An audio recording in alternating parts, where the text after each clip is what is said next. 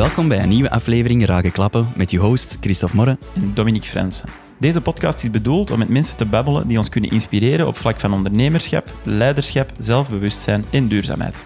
Vandaag babbelen we met de mensen van Management Spark, een organisatie die tools en oplossingen aanbiedt voor coaches en recrutering. Ze hebben al meer dan 25 jaar ervaring in het ontwikkelen van teams binnen allerlei soorten organisaties. Van KMO's tot multinationals, in de private en de publieke sector, in binnen- en buitenland. Een per aan ervaring en inzichten dus. Gezien we zelf heel vaak gebruik maken van hun tools, zoals het Lumina Spark persoonlijkheidsprofiel, vonden we tijd om hen eens aan het woord te laten over de inzichten die ze de laatste jaren hebben opgedaan. We spreken met Guy, Tine en Bram over het belang van zelfkennis, zowel op individueel vlak als in teams, de impact van corona op bedrijfscultuur en hoe vandaag de doelen en de resultaten van organisaties nogal gemakkelijk verward worden met elkaar. Een mega boeiende babbel weer al, waar jullie hopelijk van alles weer uit kunnen halen. Geniet ervan. Goedemiddag, we zijn aan het opnemen. Dag Guy. Goedemiddag, dag Christophe. We hebben hier uh, over ons uh, Guy, Tine en Bram uh, zitten. Die um, vertegenwoordigen Management Spark. Dat is een organisatie waarmee we heel vaak samenwerken. Um, en ja, we vonden het wel zeer interessant om, om eens wat dieper in te gaan op wie is Management Spark en wat doen jullie. Dus Guy, jij hebt de micro vast. Ik zou zeggen, kun jij eens in uw eigen woorden een beetje uitleggen, een beetje kader geven van wie is Management Spark? Management Spark is een organisatie die de tools van Lumina wil brengen naar coaches, organisatieontwikkelaars, organisatieconsulenten en HR-mensen. Uh, om te maken dat via de kracht van die tools in organisaties de juiste transformaties kunnen gebeuren. Dat is in, in het heel kort wat dat wij doen. Oké, okay. hoe zit je daarin beland? Oh, hoe beland je in zoiets? Hè? Um, ik was eigenlijk al sinds 1990 bezig met organisaties te ondersteunen in hun ontwikkeling en hun transformatie.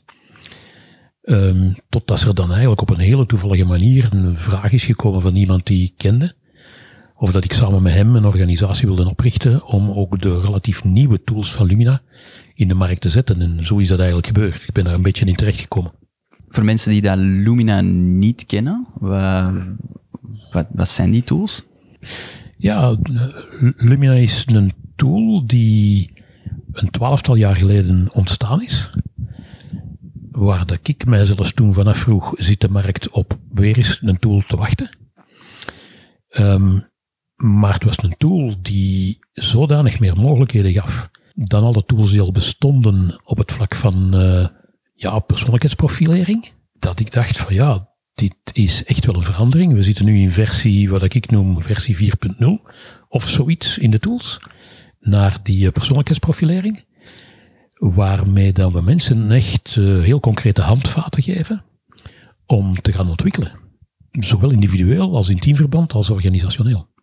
En uh, ja, naast het naast het verspreiden van die tool naar allerlei andere belanghebbenden die dat, kunnen gebruiken eigenlijk voor, uh, voor ontwikkeling bijvoorbeeld, doen jullie natuurlijk, gebruiken jullie de profielen natuurlijk zelf ook binnen organisaties. Hè? Dus misschien, uh, en Bram, kunnen jullie misschien even toelichten op welke manier dat jullie dat vandaag de dag gebruiken? Want ik denk dat dat bij jullie twee bijvoorbeeld al wel scheelt, hè, hoe dat jullie de tool gebruiken. Um, ik richt mij voornamelijk op uh, persoonlijke ontwikkeling, uh, dus de ontwikkeling van individuen, um, om hen meer inzicht te geven in hun eigen gedrag. Um, welke effecten dat ze creëren met hun gedrag, waar dat ze, wat dat hun energiegevers zijn, waar dat ze, uh, waar dat hun energievreters zijn, waar dat hun valkuilen liggen en waar dat hun sterktes liggen. Um, um, door dat zelfinzicht uh, betere resultaten te gaan krijgen en hun doelen te gaan bereiken. Ik gebruik de profielen dan graag liever in een groter kader ook, in de teams toe en naar de organisaties, om de effecten van die persoonlijke ontwikkeling eigenlijk ook mee te gaan nemen naar dat team en naar die organisatie toe. Om op die manier tussen die teamleden heel wat meer vertrouwen te gaan creëren. Net omdat ze dan een stuk dieper zicht krijgen in zichzelf. En dan ook natuurlijk door dat vertrouwen beter resultaten gaan kunnen bereiken voor de organisatie. En om dat dan zo mee in te zetten in die teamsessies en daar um, deel uit te maken van, uh, van het parcours dat gedaan wordt eigenlijk met het team. Terwijl dat ik mijzelf eigenlijk hoe langer hoe meer een organisatiearchitect noem. Wat dat ook maar mogelijk is geworden door het feit dat Lumina vandaag in die twaalf jaar ontwikkeling tot een set van tools is gekomen waar dat je eigenlijk een, een hele organisatie op allerlei vlakken kunt gaan ondersteunen naar die transformatie toe. En daarom ben ik eigenlijk mezelf niet meer coach gaan noemen, maar organisatiearchitect, om ook dat geheel aan te pakken. Omdat vanuit mijn visie op uh, een organisatie en op de ontwikkeling van een organisatie, het zo is dat je niks bereikt door ergens een paar onderdeeltjes te gaan aanpakken. Want dat gaat misschien weer op een ander niveau of op een andere plek juist problemen creëren. Dus een heel holistische aanpak eigenlijk. Gewoon het geheel. Heel, heel, holistisch, heel holistisch naar een, een, organisatie, omdat je het anders nooit echt gaat werken. Mm -hmm. En, en voor, ja, voor mensen dat er nu totaal geen beeld bij kunnen hebben van wat is een Lumina tool? Hoe zou je dat in, gemakkelijke taal kunnen uitleggen? Hoe ziet dat eruit? Wat, is dat? Wel, om te beginnen is uh, Lumina gestart met het ontwikkelen van een nieuwe aanpak in uh, persoonlijkheidsprofilering. Persoonlijkheidsprofilering die eigenlijk gaat over wat zijn uw voorkeuren in uw gedrag? Welk gedrag laat jij eigenlijk vanzelf zien zonder daarbij te moeten nadenken? En welk gedrag net niet?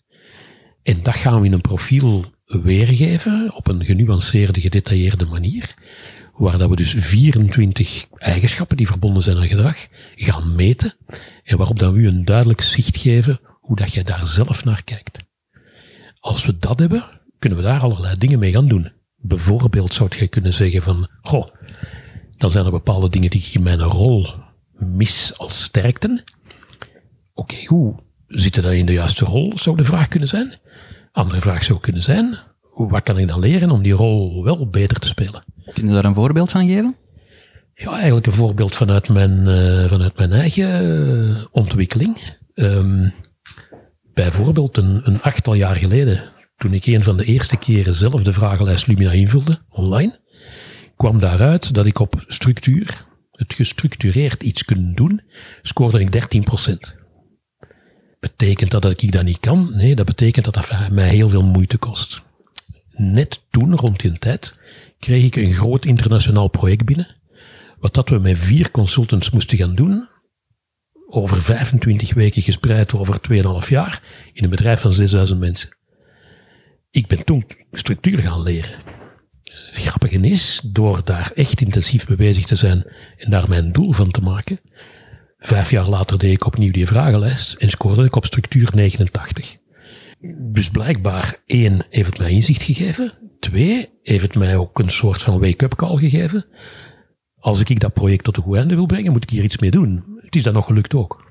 En, en je sprak er juist van, van energie. Hè? Wat geeft u? Of, hè, dat, dat, ontlaat u of niet? Wat dat u vroeger, hè, 13% structuur, dat, dat, dat, dat ontladen u eigenlijk. Hè? Dat, dat, mm -hmm. Nu zit dan 89%, dus je krijgt er dan wel energie van. Nee, okay. ik kan het nu beter en het gaat gemakkelijker. Maar het is nog altijd niet liefst dat ik, hetgeen dat ik liefst doe. Dus het kost u minder energie dan dat het vroeger kostte? Het kost minder energie dan het vroeger kostte, want ik heb het geleerd. Maar het is eigenlijk een geleerde eigenschap, een geleerde kwaliteit. Terwijl dat de andere kant van een as die tegenover structuur staat, daar staat flexibel. Daar moet ik niet bij nadenken dat, dat doe ik gewoon van s morgens tot s avonds, zelfs soms te veel. Dat zie ik dan ook weer in mijn profiel. Plus de 98% die dat hij ontwikkeld heeft uh, is dagelijks, in de dagelijkse persona. Instinctief scoort hij nog altijd redelijk laag. Dus het is niet iets dat vanuit zichzelf natuurlijk komt, maar iets wat hij bewust inzet. En daarom kost het eigenlijk ook nog steeds energie. Ja, dat, dat, is iets inderdaad dat, waar ik op, op wou terugkomen, dat ik heel sterk vind aan, aan, aan Lumina, is dat hij inderdaad op drie niveaus, um, hè, dus instinctief, dagelijks en overbelast. Ja, klopt. Waarom is dat belangrijk? Instinctief is u, is uw meest natuurlijke zelf. Um, hoe dat je u gedraagt als niemand kijkt. Dagelijks is hoe kiest je ervoor om u te laten zien? Welk gedrag zet je bewust in om ja, in het kader van wat je wilt bereiken. uw Dat is uw rol ook, bijvoorbeeld. Klopt, Ja. ja. En overbelast eh, is hoe dat je je gedraagt onder druk of stress, of als er iets onverwachts gebeurt. Maar zegt ook iets hoe mensen die tegenover jou staan in het model al naar jou kijken, jou al percipiëren als je nog niet onder druk of stress staat. Het voordeel van die drie persona's is dat je eh, patronen kunt gaan zien. Dus bijvoorbeeld eh, eigenschappen waar dat je instinctief laag scoort en dagelijks hoog, dat zou je mogelijk energie kunnen kosten. Eigenschappen waar dat je instinctief hoog scoort en dagelijks laag, daar heb je bijvoorbeeld nog reserve over. Dat zou je eigenlijk redelijk makkelijk kunnen ontwikkelen.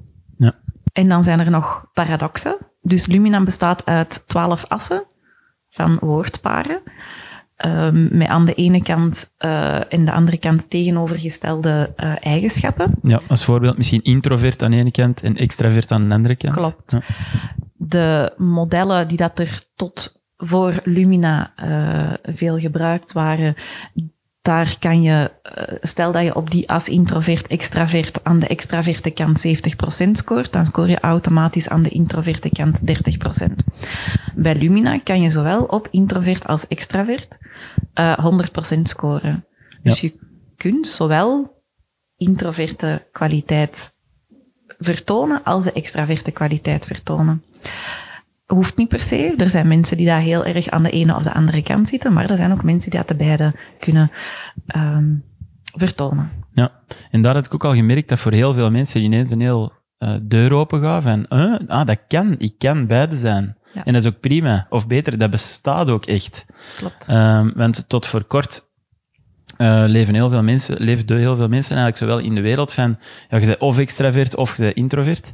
Eh, ik ben bijvoorbeeld er een voorbeeld van. Ik ben zelf een beetje ambivert eigenlijk, want zowel eh, met groepen omgaan geeft mij energie, maar ik heb eigenlijk even goed momentjes op mezelf nodig voor gewoon even op te laden.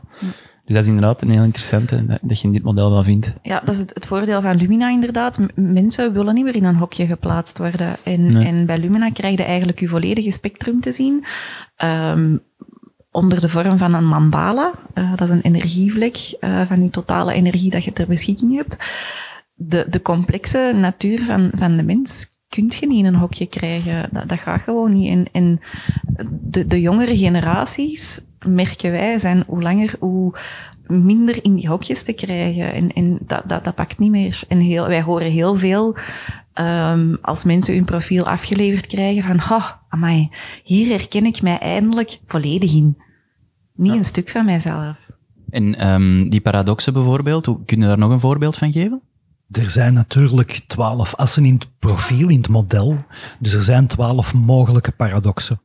Een andere is bijvoorbeeld empathisch logisch. Dat is ook een mogelijke paradox waarbij dat je bij het empathische eerder in de groene energie zit en het logische is dan eerder in de rode energie naar resultaatgerichtheid toe. Als mensen die een bewust kunnen inzetten en weten dat ze die paradox hebben, kunnen ze die een effectief gaan gebruiken en zullen ze de juiste resultaten mee bereiken. Als ze zich daar minder bewust over zijn, dan is de kans natuurlijk dat dat gaat spelen met hen en dat ze op een sommige moment op de verkeerde plek zijn en niet de resultaten zullen bereiken die dat ze eigenlijk vooraf wensten te gaan bereiken. Dus om daar goed zicht op te hebben waar dat juist die paradoxen zijn, waar dat je juist die energie hebt aan beide kanten, zal u heel veel effectiviteit gaan verhogen en uw resultaten meer gaan bereiken. En het mooie, wil jij er nog iets aan toevoegen, Of? Eh, Ja, nog één ding. Het, het heeft mij verwonderd in die voorbije tien jaar dat we nu Lumina gebruiken, dat er veel meer mensen zijn die paradoxen hebben dan dat ik ooit had kunnen inschatten. Dat is één ding. Wat mij nog meer verwonderd is, dat bijna niemand zich bewust is van zijn paradoxen. En daar dus eigenlijk het risico loopt om vanuit sterkte die hij heeft, eigenlijk niet effectief te zijn. Ja, en ik vind het eigenlijk een goed bruggetje, eh, want je spreekt dan over effectief zijn en effectief gedrag. Hè. Ehm, en dus je hebt eigenlijk de Lumina op persoonlijk niveau, maar je hebt evengoed het gebruik van Lumina op organisatieniveau. Dus misschien kunnen we nu even, even toelichten van op welke manier dat je dat nu op organisatieniveau dan gebruikt voor al die individuen samen eigenlijk. En op welke manier dat, dat scheelt of zo. Ja. Om te beginnen is het natuurlijk belangrijk dat een bedrijf dan weet waar ze naartoe willen binnen zo'n project. Ja. En ik zal het misschien eventjes eerst eh, situeren op teamniveau en dan gaan we naar het organisatie hoger niveau. teamniveau is het zo dat bijvoorbeeld als we bij een team een nieuwe teamleader krijgen en die wil zijn team op een andere manier gaan aanpakken dan dat het voordien gebeurde, vanuit zijn of haar doelstellingen, persoonlijkheid enzovoort, dan is het natuurlijk interessant om de persoonlijkheden in dat team in kaart te gaan brengen en te zorgen dat ze op elkaar zicht krijgen in al die verschillen. Daarbij om er dan ook voor te gaan zorgen dat zij in plaats van de verschillen als tegengesteld te bekijken, dat zij die verschillen gaan bekijken als complementair.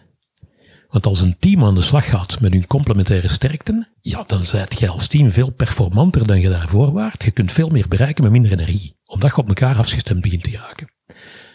Eigenlijk is bijna een automatisch gevolg daarvan dat er veel meer vertrouwen ontstaat in dat team. Van waaruit? Vanuit eigenlijk de verschillen kennen, één. Twee, daar respect voor hebben. En drie, van daaruit volgt eigenlijk puur vertrouwen. En met vertrouwen winnen we echt gewoon ja, 20 tot 25 procent energie, waar dat ik van beweer dat je ze zelfs kunt omzetten naar 20, 25 procent productiviteit. Hè? Ja. Dus dat is voor mij op, op teamniveau. Oké. Wat is een organisatie? Ja, een organisatie is een geheel van teams.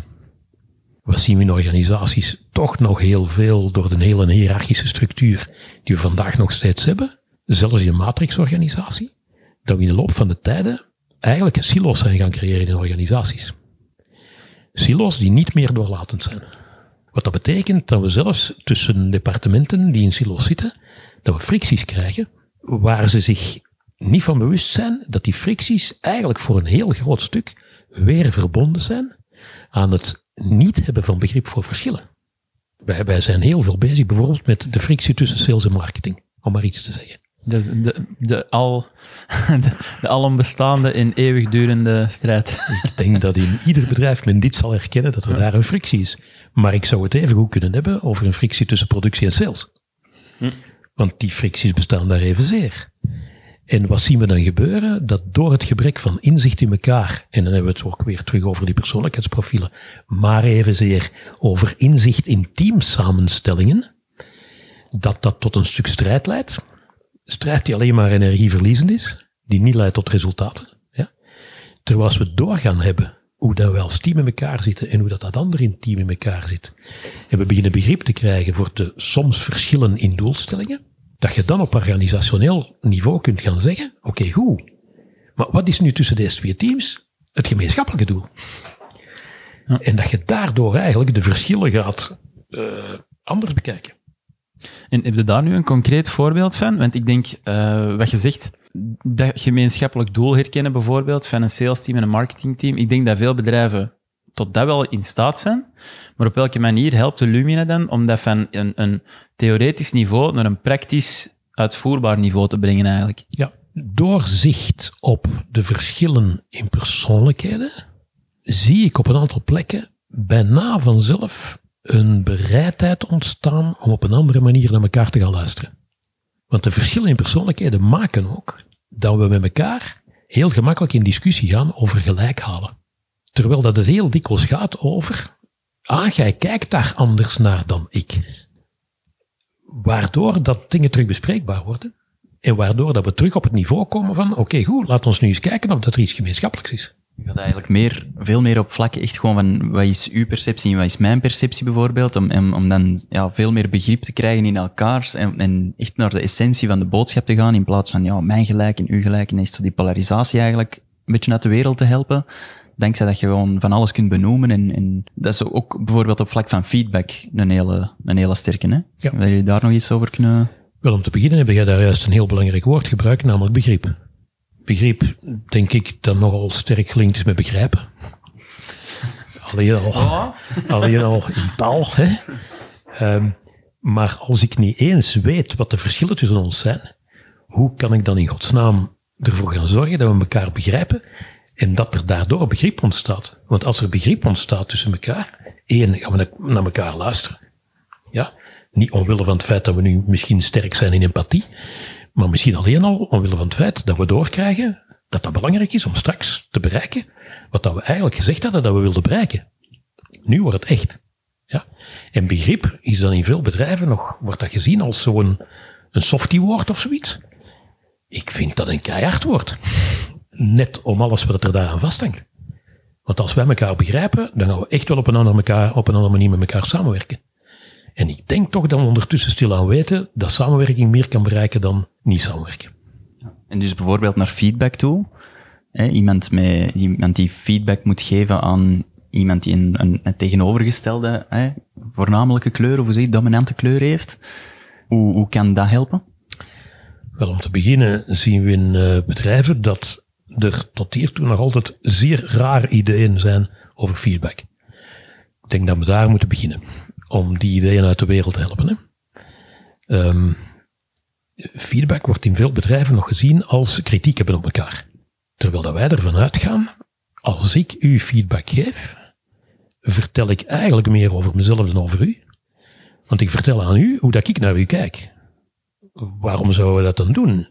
Wel, de manier waarop dat ik nu naar u kijk, is voor een stuk minstens het gevolg van hoe jij u gedraagt naar mij toe. Dus doordat ik dat vertel, krijg jij daar zicht op. Daar heb ik een mooi voorbeeldje van tussen, tussen ons. Um, nu wordt het spannend. nu worden er koppen getrokken. Hij, hij, weet, hij weet het al. Hè. Op een gegeven moment, op, op, uh, op zaterdag, uh, toen wij nog niet zo lang samenwerkten, uh, belde Guy mij voor een kort vraagje. Um, Guy werkt 7 op 7. Ik heb mijn weekend nodig om een beetje te recupereren. En die korte vraag um, werd een, een, gesprek van een uur over nog andere projecten dat hij gedaan had en, en vertellen, vertellen. Dus mijn vrije tijd werd mijn uur ingekort en ik had achteraf zoiets van, deze heeft mij, heeft mij energie gekost, uh, ik ben moe nu, ik vind deze echt niet prettig. Um, en ik heb hem daar dan feedback over gegeven volgens het VIA-model, zo, zoals dat wij ook leren aan uh, onze practitioners. En wat, wat is dat dan?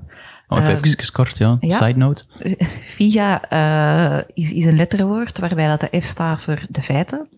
De I staat voor dus de feiten, wat is er objectief gebeurd? De I staat voor de interpretatie. En daar mocht je heel subjectief zijn. Hoe kijkt jij naar die feiten? Hoe interpreteert jij die?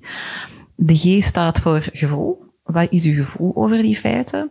En de A staat voor actie. Um, dus welke actie zou je graag willen dat er genomen wordt?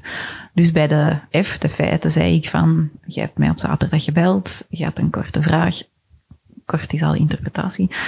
Um, en uiteindelijk heeft dat gesprek een uur geduurd, waardoor dat mijn rusttijd mijn uur is ingekort. Mijn interpretaties, jij respecteert mijn rusttijd niet. Mijn gevoel daarbij is, ja, ik ben een beetje kwaad en gefrustreerd, want ik vind dit niet leuk. En dan actie, ja, ik zou graag hebben dat je dat, dat je dat volgende keer niet meer doet. Maar op het moment dat ik dat zei, realiseerde ik mij ook van, ik had ook mijn grenzen kunnen stellen. Ik heb hem gewoon laten doen. Ik had kunnen zeggen van, na zijn korte vraag, dag. ik ga nu verder weekend houden, maar dat heb ik niet gedaan. Dus het, het zegt inderdaad ook iets over mijn gedrag. Wat kan ik veranderen? En, en dat is een hele belangrijke nuance uh, bij feedback. Uh, wij zeggen wel eens vaak, als je met ene vinger wijst naar andere mensen, dan wijzen er drie naar jezelf. En ik vind VIA een heel goede manier om ook eens te gaan reflecteren van welke vingers wijzen er naar mij. Wat had ik anders kunnen doen om een ander resultaat uh, te krijgen? En, en hoe helpt een, een, een, een persoonlijkheidsprofiel dan bijvoorbeeld daarbij? Wel, een persoonlijkheidsprofiel helpt mij daarbij in deze zin, als bijvoorbeeld Tine net zegt, ik heb mij daar laten doen, dan is het waarschijnlijk zo. Ja, ik ben een beetje voorzichtig, hè, want we zijn bezig over mogelijkheden, potentialiteiten. Dan is het waarschijnlijk zo dat zij in haar Lumina Spark profiel daar aanwijzingen voor zal vinden in haar scores, die nogal eens maken dat zij zich laat doen. Je, knikt, je knikt ja, Tina. Wat, is dat? Uh, ik scoor bijvoorbeeld op Resoluut, um, scoor ik instinctief in de 90%. En dagelijks valt dat terug op um, 3%, denk ik. En daarin zit kappen, hè, uh, op, met je vuist op tafel slagen en zeggen nee, het is, is genoeg. Um, en, ik kan dat uh, in, in bepaalde omgevingen, maar als het met werk te maken heeft, uh, dan kan ik dat minder goed. En in mijn profiel zult je hoge scores zien op Dingen die te maken hebben met flexibiliteit, extraversie, enthousiasme, enzovoort, enzovoort. Die natuurlijk maken dat ik van één vraag een verhaal maak van een uur. Dat, dat was al gevaarlijk om u een micro te geven. Hè. We gaan zien dat we binnen het uur gaan blijven. Hè. Het is heel gevaarlijk, want wij zitten hier met drieën die af en toe die micro willen hebben. Maar als die twee anderen niet oppassen, krijgen die die micro nooit. want doordat ik ben wie dat ik ben, en het sterke van het profiel is natuurlijk dat ik dat ondertussen ook heel goed weet, kan ik dat daarom 24 uur per 24 managen? Dat is nog wat anders. Maar je kunt er maar van leren. Ja? Dus ik weet ook wel dat ik de neiging heb om van die vijf minuten die ik heb gekregen een uur te maken. Maar in mijn enthousiasme vergeet ik dat af en toe. En is dus ook goed dat ik daar van mijn collega, Tine, feedback over krijg. Want dat zet mij weer eens even terug op de voet, met de voetjes op de grond. Van, oh ja, goh, daar moet ik volgende keer toch beter op letten. En op die manier kunnen we dan weer afspraken maken. En dat is de A ook van VIGA, hè, actie, maar ook afspraken. Welke afspraken maken wij vanaf nu op elkaar? En hoe gaan we die opvolgen? En dat is net wat dan wij in heel veel teams missen. Vandaar dat we die FIGA, dat hele spel van die feedback, daar ook graag mee in gaan steken in teambegeleidingen, om te zorgen dat dat daar ook gaat werken. Want ontzettend weinig organisaties hebben een feedbackcultuur. Ja, het is eigenlijk een veel betere manier, een veel hey, um, duidelijkere manier om te, te communiceren en echt naar de essentie van de boodschap weer al te gaan, in plaats van ja, uw interpretatie op de feiten en hoe dat je iets gaat vertellen. En Ja. Daar, draait eigenlijk allemaal om, hè? Ja, helemaal juist. En het is zo dat mensen niet de cultuur hebben. En dat wil dan ook zeggen dat mensen uiteraard ook niet de gewoonte hebben om dat te gaan doen naar elkaar. En we onderscheiden dan ook twee soorten feedback. De ontwikkeld feedback, maar ook de apprecierende feedback. Om die twee te gaan combineren en daardoor dan de juiste resultaten mee te gaan bereiken bij mensen. Zodat de boodschap ook gegeten wordt. En dat daar niet weerstand tegen een boodschap komt. Want als er weerstand komt, dan zijt je aan het vechten eigenlijk tegen elkaar.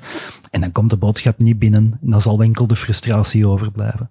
En dan is uw resultaat gewoon ook helemaal weg van eventuele feedback of... of eh, Dus we trainen ook echt mensen inderdaad om, om dat te leren, feedback te geven. Want dat is echt een oefening, een vaardigheid die dat je moet leren. Dat is zoals fietsen.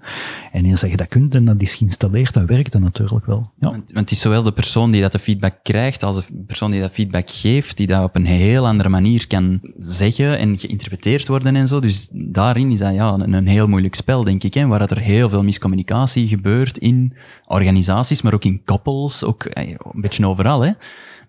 ik zie jullie allemaal knikken.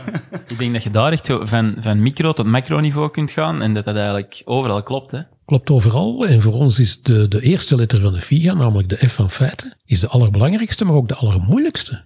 Want mensen denken dat hun interpretatie van de feiten de feiten zijn. Ja. We hebben daar een heel simpel voorbeeld van op een gegeven moment in een team, waar ik voorstel aan de teamleider van aan een van de teamleden feedback te geven. Die een teamleider gaat voor die teammedewerker staan en zegt, jij zij morgens altijd te laat. Waarop dat ik zeg, stop. En ze zegt, wat, wat, wat gebeurt er? Ik zeg, dit zijn volgens mij geen feiten. Ik ken de situatie niet helemaal, maar het woordje altijd dat erin staat, is volgens mij niet echt feitelijk. Goh, zegt ze, dat is moeilijk. Hoe moet dat dan? Ik zeg, ja, je zou het kunnen zeggen, moest dat zo zijn? In ons arbeidsreglement staat dat we om half negen beginnen. Als dat een feit is. Vorige maandag waren jij er om vijf en half negen. Dinsdag om kwart voor negen. Woensdag waren er om half negen. Zeg dan ook niet op tijd, want dat is eigenlijk weer een interpretatie. Zeg, oké, dus we beginnen opnieuw. En ze doen het vrij goed met de feiten. Waarna dat ik zeg, en wat is nou jouw interpretatie van die feiten? Ah, zegt ze, ik heb het door. Jij zit altijd te laat morgens. dus je ziet daar heel duidelijk aan dit voorbeeld, en dit gebeurt heel dikwijls, dat feiten en interpretaties door mensen, omdat ze zo geloven dat ze gelijk hebben met hun interpretatie, dat die interpretatie voor hen de feiten worden. En dan kunnen natuurlijk geen open gesprek hier niet meer over hebben, want als ik als feiten mijn interpretatie weergeef, gaan we eigenlijk in de strijd. Want die andere zegt, ja, maar dat klopt niet. Ik ben niet altijd te laat. Dus nu is het Direct hele al effect, weerstand. Ja. Oh, dat is niet waar. Ja. uw hele effect van je feedbackoefening is weg. Hetzelfde met, met zo, wat ik nu net zeg, hè, dat is niet waar. Ja, ik, ik vind dat niet waar. Hè. Dat, is, dat, is, dat, is, dat is al een, een ander. En dan- Ik ben er zelf ook heel gevoelig aan. En zo soms altijd, je kunt nooit iets goed doen. En zo, oef, ja, dat, dat is instant weerstand. Dat zijn zo allemaal van die kleine dingetjes. En dat zijn de dingen die dat echt weerstand opwekken ook hebben, de anderen. Wanneer dat je dat doet, hè, nooit, altijd, dat geeft een andere... Dat zet je direct in een hoek van, ja, het is precies ook nooit goed dan. Of zo, ja. En ook daar gaat het profiel u weer een stuk inzicht Ja. geven. Want bijvoorbeeld ik scoor er al hoog op al die eigenschappen die in die rode omgeving zitten, hè, zoals resoluut en, en, en daadkrachtig en, en, en actiegericht, dat weet ik allemaal. Dus de, de valkuil voor mij om feiten te vergeten en direct naar interpretatie te gaan, is misschien nog groter dan bij sommige andere mensen juist. Dus dat geeft mij inzicht dat ik een beetje moet downsizen in, in mijn snelheid. Zodat ik eerst even over die feiten kan nadenken. Wat zijn nu echt de feiten geweest? ja. Bij waarderende, appreciatieve feedback, hetgeen wat Bram daarnet ook zei, eh, zijn die feiten ook heel belangrijk. Omdat als je zegt tegen iemand van, jij bent goed bezig, dat is een interpretatie. En door alleen maar te zeggen, jij bent goed bezig, daar heeft die persoon niks daar aan. niks mee. Ja. Voilà. Door te gaan zeggen van, ik heb u dan dat zien doen, ik heb u dan dat zien doen, jij hebt dat afgeleverd op die manier, ik interpreteer dat, jij bent goed bezig. En dan weet je persoon van, oké, van dat en dat en dat moet ik meer doen, want dat wordt hier geapprecieerd. Ja. Door het heel concreet te maken, blijft het hangen en, en zet het iets in, in gang. Ja. Cool. Ehm, dit, dit nu allemaal heel hard op persoonlijk niveau, hè? maar natuurlijk, jullie werken ook wel met, met grote organisaties en ook niet de minste, hè? Microsoft, Dell, dat zijn er zo twee eh, die ik hier eh, al regelmatig heb horen vallen eh, tijdens onze gesprekken buiten deze podcast om. Ehm, ik vroeg me eigenlijk even dat daar zo voor jullie de, de, de key redenen zijn om Lumina te gebruiken, of dat daar zo de, de key opmerkingen zijn die dat jullie daar hebben op vlak van wat loopt er mis, wat kan er beter en op welke manier kunnen we dat echt ondersteunen met Lumina? Ja. Ik denk dat ik dan ook moet zeggen dat er naast dat Lumina Spark profiel, wat puur gaat over het persoonlijke gedrag van iemand, dat we daarnaast een interessante tool hebben rond een beeld creëren van een team, waar we dus heel duidelijk kunnen gaan zien wat zijn de posities die mensen in een team innemen, zowel op eh, dagelijks niveau, dus hun, hun professioneel effectieve gedrag zal ik het even noemen, als op overbelast gedrag. Waar, waar springen we allemaal naartoe?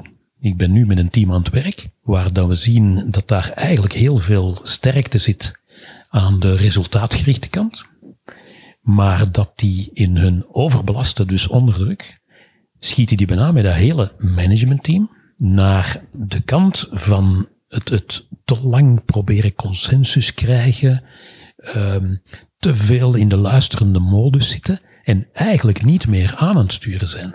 Ja. En dat wordt ook gewoon gereflecteerd in de resultaten als je die er dan naast gaat leggen van wat is dat team aan het bereiken met al zijn mensen. Ik heb het nu over een leadership team die globaal een eh 350 mensen aansturen. Ja. En dus de resultaten zijn niet in orde. De budgetten worden wel verbruikt, maar de resultaten die bij die budgetten zouden moeten aansluiten, die zijn er niet. Ja. Ja. Dat heeft aan dat team onder andere nu zo'n danige inzicht gegeven dat zij zeer goed moeten opletten om met z'n allen in die hoek van gedrag te gaan zitten. Omdat ze nu doorhebben van, verdorie, dat is waarschijnlijk een van de redenen dat wij bij ons mensen een, een stuk commitment missen. Wij, wij moeten daar helderheid gaan creëren op een, andere, op een andere manier. Dus dat is dan teamniveau. Als ik naar een organisatie in zijn geheel ga kijken, ja, dan gaan we bijvoorbeeld ook ons cultuurmodel gebruiken. Er is ook een Lumina cultuurmodel met een aanpak om daar oefeningen rond te gaan doen. Zodanig dat een organisatie duidelijk gaat weten welke cultuur hebben we of welke cultuur willen we, maar dan heel bewust. Ja, of de discrepantie tussen wat vindt het management dat de cultuur is, wat vindt de laag daaronder dat de cultuur is, en wat vindt bijvoorbeeld, om het heel cru te zeggen, de uitvoerende laag wat de cultuur is. Ja, dus het is misschien wel interessant om de cultuuroefeningen eens te gaan doen met een organisatie op verschillende lagen, waardoor dat je juist die discrepantie zichtbaar maakt.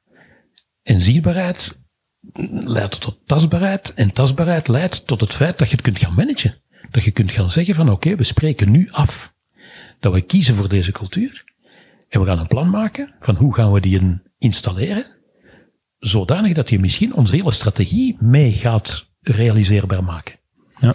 Want als uw cultuur onbewust er eigenlijk voor aan het zorgen is dat uw strategie niet uitvoerbaar is, ja, dan zitten we wel met een serieus probleem naar de toekomst. Ja. Dus dan zijn we echt bezig op organisationeel niveau. Als je dan nog een stap verder gaat, kunt je deze informatie ook gaan gebruiken bij uw aanwervingen. Wat voor soort mensen willen wij hier in dat bedrijf? Wat voor iemand willen wij in die teams? Wat missen we daar? Enzovoort, enzovoort. Ja. Waar dat je dan komt tot een product zoals eh, Lumida Select, dat dan een andere tool is, die we gaan gebruiken in selectieprocedures. En dan begint je de dingen zodanig op elkaar af te stemmen, dat eigenlijk alles in eenzelfde richting wijst, waardoor dat je enerzijds energie aan het sparen bent, anderzijds veel betere resultaten bereikt. Dat is dan het hele prentje. En als we dan nog één stap verder gaan, dan hebben we in producten ook nog een Lumina Sales model, waarmee dat je ervoor kunt gaan zorgen dat salesmensen een heel duidelijk beeld krijgen op hun sterkten in de verschillende fasen van een salescyclus, waar dan we zelfs toegekomen zijn bij een van onze klanten, om dat hele model te gaan vertalen naar wat zij wilden invoeren als nieuwe salesaanpak, namelijk Challenger Sales. Ja. We zijn daar een benchmark gaan doen van wat is dan voor jullie een Challenger Sales? En welke van die 24 kwaliteiten in verkoop die we kunnen meten, komen er dan naar boven? Zodanig dat we nu in staat zijn om met al die sales teams te gaan zorgen dat die een developmentplan hebben om waar nodig die saleskwaliteiten te gaan bijsturen en te ontwikkelen. Dus de, de, de tools op zich kunnen in heel veel solutions ingezet worden. En dat is ook wat we graag willen. Dus eigenlijk hebben wij een hele toolset om een, een organisatie in zijn geheel te ontwikkelen. Beginnende met Spark, Lumina Team, Lumina Sales en dan hebben we ook nog Lumina Leaders. Dat gaat kijken naar leiderschap. Uh, dat heeft vier leiderschapsdomeinen en gaat eigenlijk uit van situationeel leiderschap. Er is geen één manier van leiderschap de beste, maar er is een manier van leiderschap de beste in een bepaalde situatie met bepaalde mensen en een bepaald doel. Dan hebben we nog Lumina Cultuur, waarbij dat we de cultuur van een organisatie gaan in kaart brengen. Lumina Select, verwerving en selectie. En Lumina Emotion, dat eigenlijk gaat kijken naar um, daar waar dat Lumina Spark kijkt naar persoonlijkheid door de lens van gedrag, kijkt Lumina Emotion naar persoonlijkheid door de lens van emotie. En meet eigenlijk emotionele intelligentie. Oké. Okay. Wij, wij hebben 360 graden, hè? Ja, ja wij hebben vanochtend dat cultuurspel gedaan. Dat was, dat was eye-opening, hè? Ik vond dat super graaf hoe dat, hoe dat ja, eigenlijk zo op basis van een tool heel eenvoudig eigenlijk de juiste vragen en, en door het inzetten met chips en, en dat je zo'n beeld krijgt van je, van je cultuur als organisatie, dat, ja, echt knap, knap een tool. Het interessante is natuurlijk dat jullie daar ook helemaal ingestapt zijn in die oefening, waardoor dat je discussies hebt gehad die onderliggende overtuigingen hebben bovengebracht, waar dat jullie nooit met elkaar over spraken. En waar dat je nu wel over zegt gaan spreken, waardoor dat je de onbewuste dingen bewust maakt en veel beter keuzes kunt maken. Ja, dat, dat idee hebben wij inderdaad al. En dus ja, het wordt nu heel interessant om te zien waar dat dan de volgende stappen erin worden. Uh, want ja, it's just a start, denk ik dan. Hè. Uh, dat is wel cool. We hadden het er juist ook al over organisaties even gezegd, want jullie uh, werken natuurlijk ook heel vaak met grote organisaties. En wij vroegen ons even zo, um, het zijn speciaaliteiten, hè? dus wij vroegen ons even zo vandaag echt zo de, de problematieken zijn die dat jullie zien in, ja, in organisaties die dat leven en op welke manier gebruiken jullie dan Lumina om daar een beetje uh, richting in te geven voor organisaties of dat soort dingen? Wel, bijvoorbeeld, we hebben nu de, de vraag hier en daar gehoord van hoe kan een leider geconnecteerd blijven met zijn team in deze tijden? Ja, met corona, hè? Ja. Met, met corona. En ja, daar zien wij eigenlijk in heel veel bedrijven waar we werken, dat in, in deze tijden datgene wat eigenlijk al wel leefde onder de oppervlakte, dat dat door deze crisis boven de oppervlakte komt. Dus vandaag zeggen bedrijven, oei, ons team is uiteen aan het vallen omwille van corona. En wij zeggen, wij twijfelen eraan dat dat door corona kwam. Ik denk dat corona het nu heeft duidelijk gemaakt dat uw team geen team was. Ja, het is gewoon een heldere lens. het is, corona geeft ons een heldere lens door de, de crisis waarin we zitten en alle in zo'n dek op, op moeilijke momenten. Maar we zien nu dat teams waar dat eigenlijk dat gebrek aan vertrouwen er al wat was, dat die nu gemakkelijker uit elkaar vallen dan teams waar dat voordien echt al aan dat vertrouwen gewerkt was en aan inzicht in elkaar. Ja. Dus dat wordt wel heel duidelijk. En dus een leider die voordien met zijn team al niet echt bezig was met connectie, die ziet nu zijn team gewoon verdwijnen in de mist. Dat is een van de dingen. Ten, ten tweede, um, wat dat we natuurlijk ook zien in heel dat corona gebeuren, we zien nu van die effecten ontstaan die ineens extreem naar een andere kant gaan, waar dat men nu gaat publiceren in allerlei vakbladen, kranten enzovoorts van, vanaf nu gaan we veel meer met z'n allen thuiswerken. Waar dan wij dan van denken, hé, hey, hey, wacht even, is dat de bedoeling? Uh, want we gaan daardoor ook heel veel dingen missen die mensen nodig hebben. Ja. Er zijn nu eenmaal mensen ook verschillend in hun persoonlijkheid weer, die veel meer behoefte hebben aan sociaal contact dan anderen. Want ook daar zit je met een stuk verschil in persoonlijkheid. Ja. Mensen die graag samen dingen doen en andere mensen die graag dingen in hun eentje doen. Dat is een heel andere vorm van energie. Waar dan we nu ineens weer allemaal, iedereen, over dezelfde kam gaan scheren, maar in een andere richting dan vroeger. Ja. En wij zeggen nee, als we echt diversiteit willen creëren, en we willen respect hebben voor diversiteit. En we willen zelfs respect, we willen zelfs diversiteit gaan gebruiken om onze resultaten te laten beïnvloeden. Als sterkte echt, hè? Als sterkte. Dan moeten we net gaan zorgen dat er verschillende manieren van werken mogelijk zijn voor mensen. En dat mensen vooral vanuit hun kracht een bepaalde manier van werken kunnen kiezen. Ja, en als organisatie misschien ook net te kunnen profiteren van de kruisbestuiving die er bestaat tussen al uw verschillende profielen, ja. doordat die samen zitten. Ja. ja. Ik ben bijvoorbeeld graag in, in gesprek met iemand, want daardoor worden mijn ideeën duidelijker. Vanuit dat klankbord gebeuren, gelijk nu. Ik vind dat schitterend dat jullie vragen stellen en dat we hier een gesprek kunnen hebben, want dat brengt vanzelf bij mij meer duidelijkheid in mijn brein over hoe ik het wil zeggen en wat ik wil zeggen. Maar ik ken ook heel veel mensen die dit liever niet doen in een uitwisselingsmanier, maar die veel liever op zichzelf zitten na te denken over de dingen, reflecteren, zonder daarover te moeten communiceren. En het een is niet beter dan het ander, het is alleen verschillend. En het kan even sterk zijn het een en het ander. Dat hangt heel sterk af van je rol. Want als je een rol of een functie hebt in, in een bepaalde job, waar dat er juist van u verwacht wordt, het een of het ander, en dat is niet wie dat je persoonlijk instinctief zei, dan gaat u dat juist zoveel energie kosten. Ik zie, ik zie Tinen al nee knikken er juist van, ah, maar zo klankbord, dat, dat, dat is helemaal niks voor mij. Ja, als zij in die rol wordt geduwd op een gegeven moment, ik vermoed, is dat dan eerder een salesjob of zo, waar je eigenlijk wel vrij snel hè, moet, moet, moet kunnen communiceren. Of een ander job? Goh, ik, ik, zou het zelfs niet te sterk vasthangen aan, aan, aan jobs altijd. Want ik, ik ken evengoed salesomgevingen waar dat interne reflectie een veel grotere rol spelen dan zeer goed kunnen praten. Uh, ja, men, men, men zegt van, van ja, men zegt van een sales die moet goed kunnen kletsen. Uh, nee, er zijn heel veel sales die beter goed zouden leren luisteren.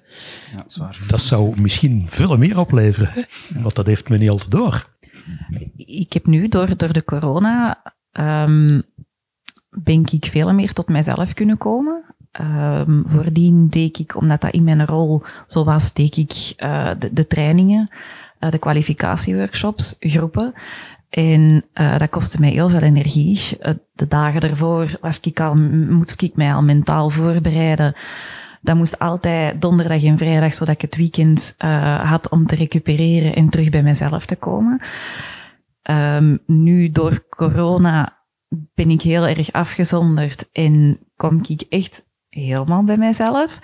En begin ik te ontdekken van, goh, eigenlijk ben ik heel goed in grafisch ontwerp. En nu maak ik de grafische folder voor, uh, voor Management Spark. Ben ik uh, de website opnieuw aan het maken en dat soort dingen. En, en leer ik eigenlijk mijn echte talenten kennen vanuit die afzondering. En ik heb die afzondering ook nodig om een stuk dat creatief proces in, in werking te zetten. Anders is mijn hoofd te veel uh, bezig met, met de dingen die spelen bij anderen. Ja, externe prikkels, inderdaad. Dan ben ik zo overweldigd van al die prikkels dat ik niet tot aan mijn, uh, mijn talent kan komen. Mij is er in deze hele coronasituatie ook nog iets anders wat dat duidelijker wordt dan dat vroeger eigenlijk voor mij al was. Um, ik, ik heb bijvoorbeeld de indruk dat we in organisaties nog een groot gemis hebben aan inzicht in hoe resultaten gecreëerd worden. Um, ik, ik, denk ook dat we ons veel te sterk richten op de resultaten en dat we niet meer zien van hoe worden die resultaten nu gemaakt. Want een resultaat is een resultaat van iets. Maar van wat dan? Ja, en, en dat wordt nu ook duidelijker en duidelijker. We hebben het heel erg over, we moeten meer met ons mensen bezig zijn. Maar ik zie op heel veel plaatsen dat het ook weer maar een losse vlodder, een losse slogan is. Als dat niet gekaderd is in een totale aanpak, gaat het dat ook niet worden. Ja? We zijn nu alleen maar weer ons geweer van schouder aan het veranderen. En het is nooit of het een of het ander. Het is echt altijd het alle twee. De vraag is alleen in welke volgorde zet je het? Hoe gaat je er met elkaar naartoe? En daar is een belangrijk onderscheid dat we terug moeten leren maken. Dat is het onderscheid tussen doel en resultaat. Ja. Wat dan we gewoon in de 50 voorbije jaren zijn met elkaar gaan mixen en, en verwisselen zelfs. Hè. Uh, we hebben van het resultaat het doel gemaakt. En ik denk dat we daar fout zitten. We moeten terug heel duidelijk gaan kijken naar wat is ons doel. En de dingen die we daarmee bereiken zijn dan resultaten. Maar dat is het doel niet. En ik weet dat dit voor sommige mensen op het eerste zicht een, een, een spel van woorden lijkt, maar dat is het niet. Het is volgens mij echt essentieel om bedrijven terug duidelijkheid te geven over waar zijn we bezig, waar willen we mee bezig zijn, wat hebben we aan onze klanten te bieden. En dan zal dat resultaat zelfs misschien wel volgen. Het gaat niet over de KPI's en de cijfertjes. Natuurlijk moeten we die hebben aan het eind. Want brood en beleg moet betaald worden. We moeten ons budgetten hebben, enzovoort, enzovoort. Maar dat is niet het doel. Nee. Wat je er straks zei, dat vond ik ook een goeie. Voor je resultaten staat er niet morgens op uit je bed en dan, oh, we gaan resultaten halen. Nee, je staat uit je bed op. Ja, we gaan naar een doel werken, toch? Ja, ik word niet warm van, we moeten deze maand nog 100.000 euro omzet halen. Daar word ik niet warm van.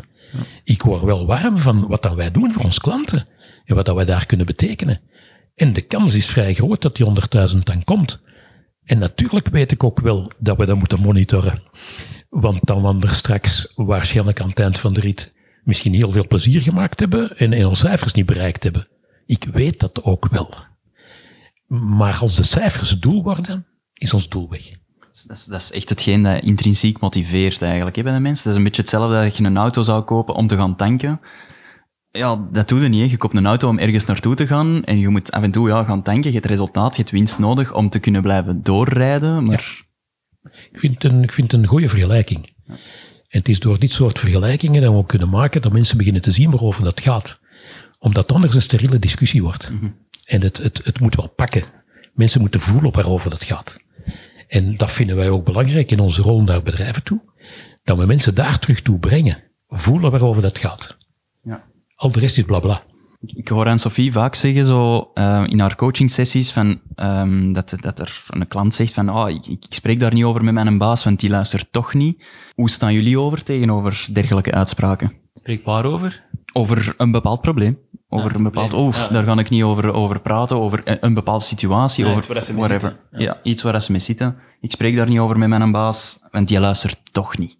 Mm Als ik dan in dat bedrijf coach ben, en ik ben ook nog dat bedrijf aan het helpen om te zorgen dat ze straks op een sterkere manier staan als geheel, dan ga ik misschien aan die persoon die ik aan het coachen ben vragen, en verwacht jij nu van mij dat ik daar iets mee doe? Want dat ga ik niet doen ik kan jou wel helpen of leren om dat misschien toch aan uw baas aan te brengen, maar dan op een manier waardoor het bespreekbaar wordt.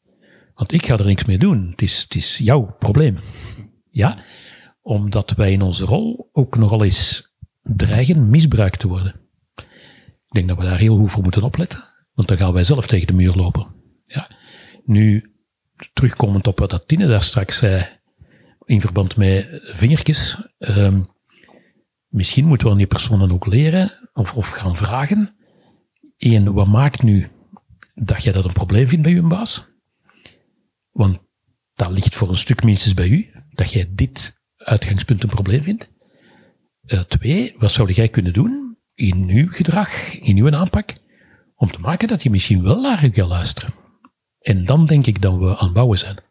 Ja, en het, is, het ligt misschien niet aan de baas. Want misschien wilt je graag luisteren, maar het- de perceptie van de persoon inderdaad, die zegt van, oh, maar die gaan niet luisteren. Ja, maar heb je het al eens geprobeerd? Ja. En dat is heel vaak de, al, al een van de grootste problemen. Het ligt niet per se de baas die niet luistert, het is gewoon de persoon die dat niet durft spreken. Spreken we dan ook over heel dat omgeving van vertrouwen? Tine, jij wou nog iets anders ertussen, nog iets op het vorige? Ja, ik, ik wou eigenlijk zeggen dat net hetzelfde is met delegeren. Mhm. Daar horen wij leidinggevenden vaak zeggen van, ze pakken het niet. Maar leidinggevenden hebben ook moeite om het los te laten. En, en dat is inderdaad een mes aan twee kanten snijdt. En, en ik denk dat dat met dat luisteren eh, juist hetzelfde is. Ja, of de taak wel, maar de manier waarop, hè, dat de persoon die dat, de job toegewezen krijgt, het op een andere manier gaat doen, op zijn of haar manier. ja. Maar dat dat dan niet eigenlijk in de, op de manier is waarop dat de, de, de persoon die het delegeert, eh, en dan Klopt. eigenlijk vrij, vrij snel afblokt misschien. Ja, het, het, het- de vrijheid geven eh, om, om iets op een eigen manier te doen. Ja. En om inderdaad dan terugkoppelend naar die diversiteit, ehm, om, om het op iemand zijn eigen manier te laten doen. Want, en als ik dat dan terugkoppel naar doel en resultaat, eh, dat gaat energie geven. Als iemand iets moet doen op de manier die dat hem is voorgeschreven, dan gaat hij inderdaad werken naar een resultaat, maar het gaat hem geen energie geven. En zo gaat uw bedrijf ook niet groeien. Het is maar als ehm, mensen dat gaan doen vanuit hun eigen kracht, voor een doel dat ze voorop hebben gesteld, dat hen energie geeft, dat gaat maken dat uw bedrijf gaat groeien. Dat doet mij ineens denken aan ehm, Philip Knight, dat is zo de CEO van Nike. En in zijn autobiografie schrijft hij ook op een bepaald moment, misschien zelfs tot, tot defect van mezelf toe, heb ik nooit aan mensen gezegd, misschien zelfs als ze het nodig hadden, hoe ze iets moesten doen. Ik zei gewoon wat dat er moest gebeuren. En zelfs als die mij vroegen, hoe moet ik dat doen, gaf ik geen feedback. Ze moesten het gewoon doen. Maar het gekke is wel dat die organisatie op die manier in allerlei richtingen is gegroeid. Wel in lijn met waar ze naartoe willen, maar op manier dat je nooit zelf had kunnen voorzien. En dat is ook een sterkte dat je kunt maken, net door je mensen wel het recht te geven om zelf te besluiten hoe gaan ze het doen, wel in een lijn van wat ze zouden moeten doen. Dat, dat lijkt me inderdaad wel heel En dat sterk. kun je maar doen als je allemaal een heel helder doel hebt. Ja, hetzelfde klopt. doel ook. En dat is de essentie, hè? Ja. ja. Eh, en dat je focus daar ook op gericht is. En dat je als leidinggevende kunt loslaten. Eh, dan, Ja, en, en, en durven verantwoordelijkheid ook geven, hè? die Ja. accountability geven van, doe maar, gewoon, Klopt. eh, doe. En, en je mocht falen en het is zo dat we het gaan leren en, en ik, ik heb mijn manier, maar misschien heb jij een andere manier en dat misschien nog zoveel beter is. En, en, en dat is echt waar ik dan wou, hè, er net op wou terugkomen, op heel de omgeving van vertrouwen. ja, klopt. Dat, dat is zo belangrijk, want dat is zo moeilijk, omdat er inderdaad zo vaak op die resultaten wordt gekeken van ja, maar dat moet wel behaald worden. Hè? En eh, falen, is dat wel een optie? Ja. En dat vind ik mooi met wat, wat jullie vanmorgen gezegd hebben. Dat als je mensen gaat aanwerven, dat je eerst gaat kijken, matcht je met onze cultuur? En, en is er vertrouwen? Is, is er een, een basis van vertrouwen? En dan gaan we kijken naar competenties en, en, en skills en zo verder. Maar als je al weet van die matchen in onze cultuur, kun je ook vertrouwen dat die op dezelfde golflengte zitten en op dezelfde lijn gaan werken naar het doel dat je als organisatie wilt bereiken. En ik hoor dan soms in organisaties zeggen, ja, ja, dat is allemaal heel gemakkelijk in kleine bedrijven. Maar in grote bedrijven speelt dat toch anders. En dan zeg ik, ik- denk het niet, want volgens mij is een groot bedrijf een samenhang van een aantal KMO'tjes. Je hebt departementen, je hebt teams, dat zijn allemaal op zich staande organisatietjes, waar dat het natuurlijk wel zo is dat je moet gaan zorgen dat je dingen gaat doen om die verschillende departementjes en organisaties weer met elkaar op één lijn te krijgen. Dat maakt het iets complexer. Maar uiteindelijk is de manier van aanpak juist dezelfde. Ja. En in dat opzicht misschien zelf nog belangrijker in, in een grote organisatie, omdat je geen vat hebt op hey, je klein KMO, je misschien tien mensen, waar je misschien nog wel vat en zicht hebt op wat dat er allemaal gebeurt. Maar als je ineens met 100.000 man zit en je hebt geen duidelijk doel, ja, wat zijn die al die 100.000 aan het doen? En, en Ja, zijn die allemaal wel even effectief bezig? En Ja, want daar valt het, het, puur het concept van micromanagement valt daar al volledig weg. hè. Dat gaat niet. hè. Je kunt geen 100.000 man gaan kijken, zeg, zeg jij wel. Dus je, je kunt veel beter, denk ik, daar vanuit hoger management super hard op de richting duwen en zeggen, daar gaan we naartoe, dat is waar we voor staan, dat zijn onze waarden. En dan zeggen, wat moet er gebeuren? Maar die mensen wel volledig laten beslissen van, oké, en hoe gaan we dat nu doen? Ja, en je noemt daar opnieuw het stukje cultuur en waarden. Hè? Ehm, waar dat we ook net zien dat dat dikwijls de hindernissen zijn bij een merger tussen twee organisaties. Hè? Ook wat we dikwijls zien in mergers tussen afdelingen in bedrijven. Hè? Omwille van uh, budgetten enzovoorts enzovoorts moeten sommige afdelingen soms mergen. Maar als dat twee afdelingen waren met een cultuur die naak staat op elkaar, het gaat gewoon niet lukken. Hè? En, en heel veel bedrijven hebben dan nog steeds niet door dat het eigenlijk gaat om die basisdingen. Als we die basisdingen in orde krijgen, dan wordt de rest gewoon veel gemakkelijker.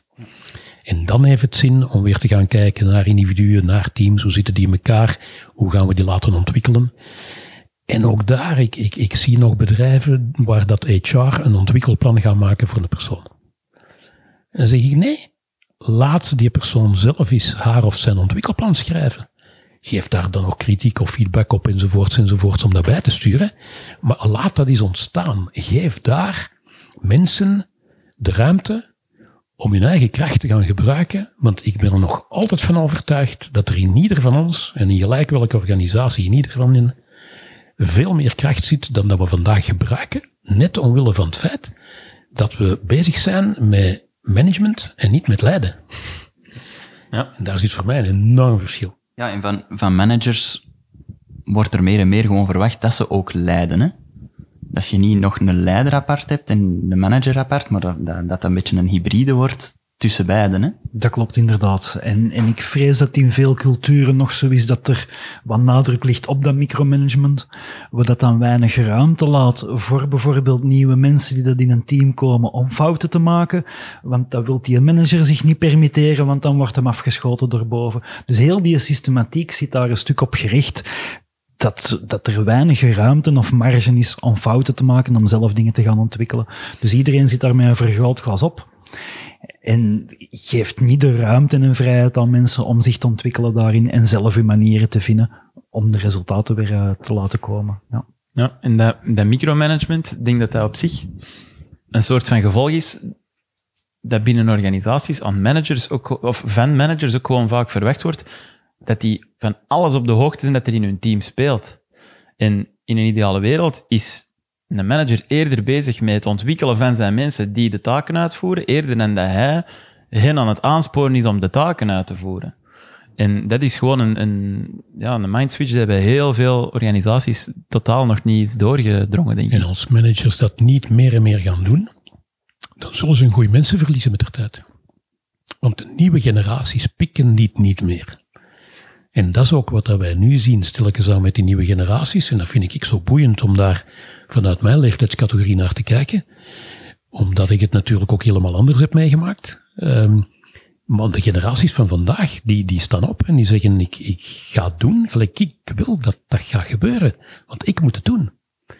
En dus managers worden vandaag uitgedaagd om op een heel andere manier dan vroeger om te gaan met hun, eh, met hun teamleden. En dat vind ik een, hele leuke evolutie om dat te zien gebeuren. Want ik denk dat daar een aantal, hoe moet je dat noemen, vonken zitten. Hè? Wij spreken ook graag van vonken, want uh, Management Spark is het bedrijf, Lumina Spark is product. Dus die vonk die zit daar wel in. En die vonken, die zien wij nu stilaan uh, daar zijn en dat gaat tot vuurtjes leiden, sowieso.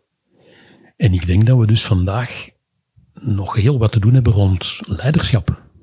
Maar dat vraagt om, om moed. En tools. Het, uh, en, en tools. Ja, tools. Tools ook om fouten bij te sturen. Want fouten zullen gemaakt worden en moeten worden. En om dan de lijn te trekken naar Illumina Emotion, een stuk bescheidenheid. Dat is iets, uh, dat is een, een, kwaliteit van Illumina Emotion. Om als leiders uh, bescheiden genoeg te zijn om die nieuwe generatie ook aan het woord te laten en te zien wat voor nieuwe ideeën zitten daar. Want er wordt uh, het, het hiërarchische leiderschap van ik weet het en jij moet luisteren, dat werkt niet meer. En, en daardoor gaat er heel veel uh, talent en energie verloren. En dat stomt mensen af. Als die al een paar keer hebben gezegd, ja, maar misschien kunnen we het zo doen, en die krijgen elke keer in de mond gesnoerd, dan stoppen die ook en die beginnen gewoon hun routinetaken te doen en, en die glijden af in, in ja, burn-out. Ja, inderdaad. Om, omdat je niet bezig bent met dingen dat je energie geven. Ja, of bore-out. Bore-out ook, inderdaad, ja, klopt. En, en ik denk dat daar een, een stuk eh, eh, kwetsbaarheid als, als leider eh, heel belangrijk is om, om ook te zien van ik, ik weet niet alles. En, en Ja. Jij kunt En hoe kunt jij mij helpen? Hè? In Ja, uw inderdaad. talenten, hè? je Ja, zei ja. anders. Hoe kunt jij mij helpen? En, dat echt als een team zien eigenlijk. hè. Klopt, ja. Ik zie het ook graag altijd als een, als een soort voetbalteam. Hè, De keeper heeft andere skills als, als, de, als, de, als de spits.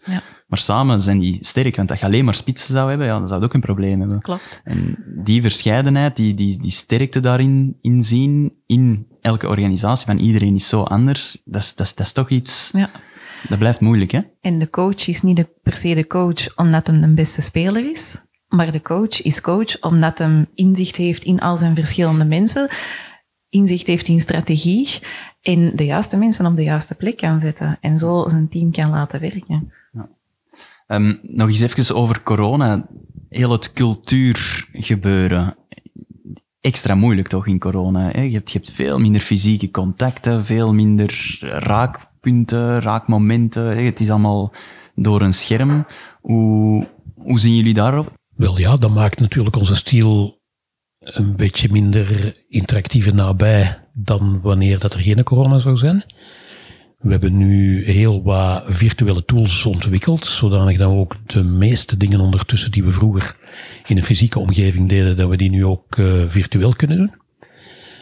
Ik blijf natuurlijk hopen, vanuit wie ik ben ook, omdat ik graag die echte, levendige interactie heb, blijf ik hopen dat we hier snel hierdoor zijn en dat we terug kunnen gaan naar het oude normaal. Men zegt mij dat dat nooit gaat terugkomen. We zullen wel zien wat het wordt.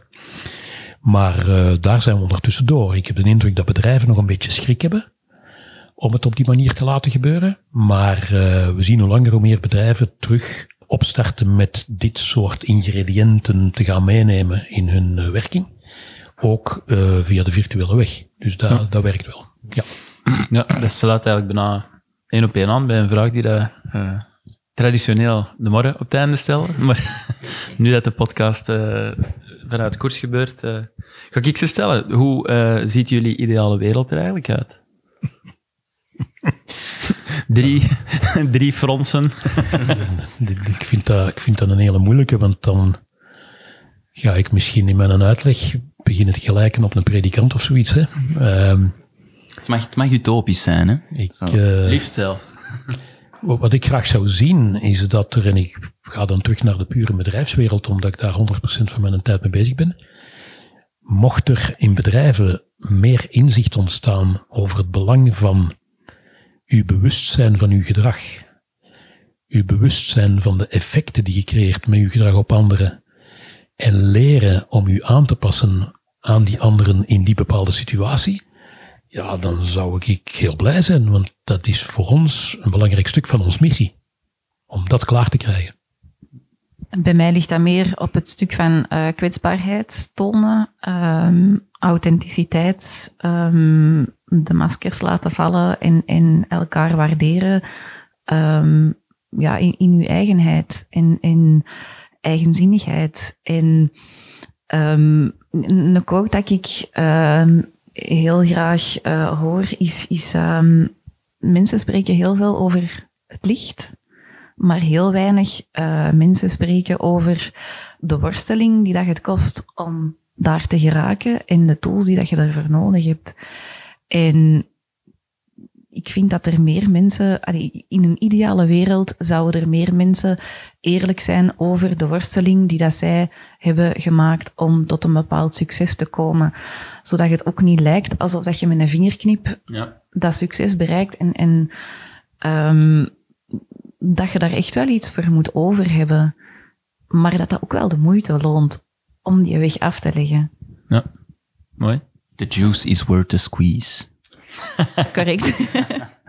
Voor mij zit het eigenlijk in een combinatie van, eh van Guy en Tinnen in die beide. Eh, maar het is ook inderdaad mijn droom om mensen zoveel mogelijk dat zelfinzicht te geven, zodat ze eh, makkelijker andere mensen ook kunnen gaan inschatten en een stukje zich gaan aanpassen, zodat we allemaal gewoon goed door de deur geraken. Dus het heeft eigenlijk allemaal met verbondenheid te maken, als ik dat mag. Hè, dat je met je eigen meer verbonden hebt, maar ook met elkaar. Ja, en voor mij is er nog een andere verbondenheid. En ik vind het leuk dat je het woord verbondenheid gebruikt, want ik zou ook nog graag een oproep doen om er nu eens vanaf te geraken dat we over soft skills en hard skills spreken. En dat die soft skills dan zoiets is van, ja, dat moet ook af en toe doen. Ik heb onlangs de vergelijking gemaakt bij iemand die daar nogal erge scheiding tussen maakte. Heb ik gezegd, ik liet mijn laptop zien. En ik zei, stel dat hier geen software in zit, wat zit er dan met die hardware? En ik, ik zag daar ineens een frank vallen. Ja, en ik denk dat het daarover gaat. Dus laat ons alsjeblieft dat onderscheid toch nog maken, die tweedeling. Want voor mij horen ze samen. Wat wij doen is echt geen soft business. Wat dat wij doen is keihard. Want het gaat over het juiste gedrag om te maken dat we klaar krijgen wat dat we gezegd hadden dat we klaar krijgen. Cool. Ik kan een applausband eronder zetten. hè. Terecht, terecht. Um, on that bombshell eh, zijn we, ja, zijn we aan, aan onze tijd gekomen. Super, super erg bedankt voor jullie komst hier en voor jullie eh, fantastische inzichten eh, hierover. Ik denk dat de luisteraars weer van alles hebben bijgeleerd. Zo zijn. Wij danken Koers heel hartelijk voor de mogelijkheid hiervoor en voor jullie interesse hierin. Dankjewel. Cool. Super. Nog een heel fijne middag en aan jullie luisteraars tot zeer binnenkort. En zo zijn we weer aan het eind van deze aflevering. Wat vond je ervan? Laat het ons gerust weten. En als je het de moeite vond, hou je vooral niet in om te delen met anderen. Je mag ook altijd een review plaatsen over Raken Klappen, zo kunnen hopelijk nog meer mensen deze babbels ontdekken. Heb je nog vragen of opmerkingen? Let us know. Op Instagram kan je ons vinden onder koers.team. Bedankt om te luisteren en tot de volgende.